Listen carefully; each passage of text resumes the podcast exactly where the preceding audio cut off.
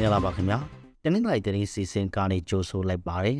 ဒီစီစဉ်ကိုတော်ဝဲဝဝိုင်းတော်သားတွေကစူးစီးတင်ဆက်ထားတာပါဒီကနေ့ဖေဖော်ဝါရီလ19ရက်မှာဖြစ်ပေါ်ခဲ့တဲ့တတိအကြောင်းအရာတွေထဲပထမဆုံးအနေနဲ့ပြောပြမှာကတော့မြေမြို့နယ်သူပြောရွာမှာ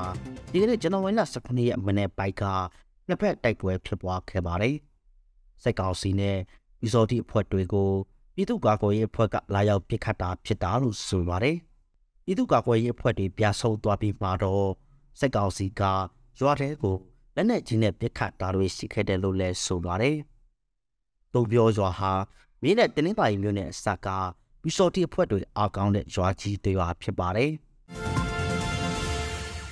နောက်မျိုးတွေကပြည်သူစစ်ခေါ်ပီစော်တီအဖွဲ့ဝင်တူပြစ်တာခံရတဲ့အကြောင်းဆက်ပြောပြပါမယ်။ မနေ့ကဖေဖော်ဝါရီလ16ရက်မှာလောင်လူမျိုးခါကြီးရက်ွက်မှာပြည်သူစိတ်ခေါ်ပြီးစောတိအဖွဲ့ဝင်လို့ဆိုတဲ့အမျိုးသားတဦးပြစ်ဒဏ်ခံရပါတယ်။ပြစ်ဒဏ်ခံရသူကတော့အသက်40အရွယ်လောက်ရှိတဲ့ဦးအောင်ဆန်းဆိုသူဖြစ်ပါတယ်။သူကိုအမည်မသိလက်နက်ကင်အဖွဲ့ကနေမှာလာရောက်ပစ်ခတ်သွားတာဖြစ်တယ်လို့ဆိုပါတယ်။ဘာကြောင့်ပြစ်ဒဏ်သွားတယ်ဆိုတာကိုတော့မသိရသေးပါဘူး။မြို့ခံချိုကတော့ သိဆုံးသူဟာယူနီဖောင်းဝတ်ပြီးလက်နက်ကိုက်ဆောင်ကလှုပ်ချွေးတောင်ထားဆောင်တာကိုတွေ့ရလိမ့်ရှိတယ်လို့ဆိုပါတယ်။ဒီကနေ့မှာတော့ပြည်သားခံရတဲ့အမျိုးသားနေတဲ့ဂါကြီးရက်ကွက်ကဒေသခံနှစ်ဦးအပါအဝင်အလုံးလေးဦးကိုစိတ်ကောင်စီကဖမ်းဆီးသွားတယ်လို့ဆိုပါတယ်။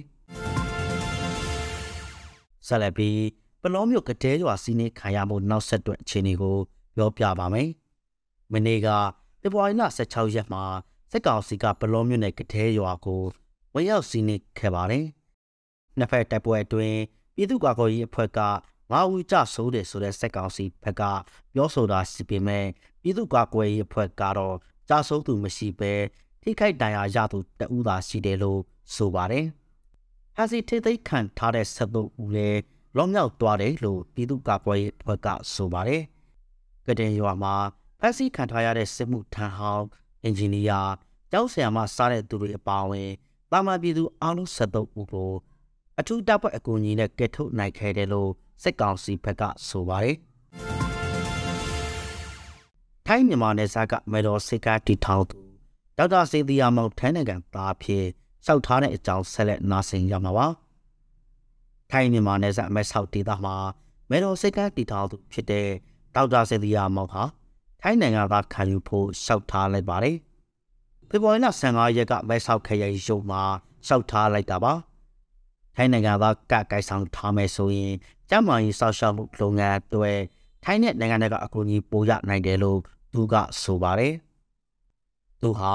နေဆက်ရောက်လာတဲ့ရွှေပြောင်းအလုပ်သမားတွေကိုကျမကြီးအကူအညီတွေပေးနေတာနှစ်ပေါင်း30ကျော်လာပါပြီအခုလဲထိုင်းနိုင်ငံသားခံယူလိုက်ပေမဲ့ ကျမကြီးဆောက်ရှောက်မှုလုပ်ငန်းတွေကိုဆက်လက်လုပ်နေမယ်လို့ဆိုထားပါတယ်တရင်တိုင်းရင်းသူတအူးဖြစ်တဲ့ဒေါက်တာဆယ်သီယာမောင်ဟာ1988ခုနှစ်အရေးတော်ပုံကာလကတည်းကမြန်မာနိုင်ငံကထွက်ပါလာသူဖြစ်ပါတယ်။နောက်တဲ့နှစ်1989ခုနှစ်မေတော်စိတ်ခတ်ကိုတည်ထောင်ပြီးလက်ဆက်တလျှောက်မှာ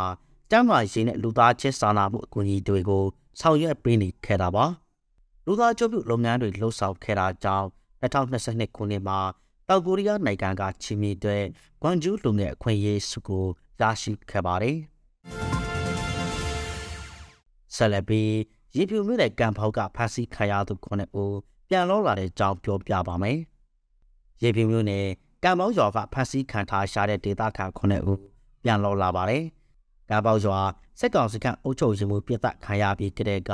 ဒေသခံ23ဦးဖမ်းခံခဲ့ရပါတယ်။ဒီကနေ့ဖေဖော်ဝါရီလ19ရက်အထိ ပြန်လောလာသူ22ဦးရှိနေပါပြီ။အမျိုးသမီးတဦးကတော့ဆက်လက်ဖမ်းဆီးစစ်ဆေးခံရဆဲဖြစ်ပါတယ်။နောက်ဆုံးအနေနဲ့ရှည်စည်းခွက်အကြောင်းပြောပြပါမယ်။ဒီကနေ့တဝယ်စည်းခွက်ထဲအခောက်ရှည်စည်း9000ကျလောက်ကျလာတာကိုတွေ့ရပါတယ်။မနေ့ကတတောက်တွဲစည်းချခဲ့ပြီးဒီကနေ့မှာနောက်ထပ်9000ကျစည်းချသွားတာဖြစ်ပါတယ်။ဒါကြောင့်ဒီကနေ့တဝယ်စည်းခွက်ထဲအခောက်ရှည်တကြသား28သေး၄သောင်းဝန်းကျင်နဲ့ အယောင်းဝယ်ဖြစ်နေတဲ့ဆိုတဲ့အကြောင်းပြင်ဆင်ပြလိုက်ရပါတယ်ခင်ဗျာ။အခုလလိုနားဆင်ပေးခဲ့တဲ့အတွက်ကျေးဇူးအထူးတင်ရှိပါတယ်မြန်မာနိုင်ငံသူနိုင်ငံသားများကပ်ပြီးပေါင်းခါနေမြတ်ဆုံးလုံးမြောက်နိုင်ပါစေလို့တဝဲဝတ်ပိုင်းတော်သားများဟာစုမောကောက်တောက်အပ်ပါတယ်ခင်ဗျာ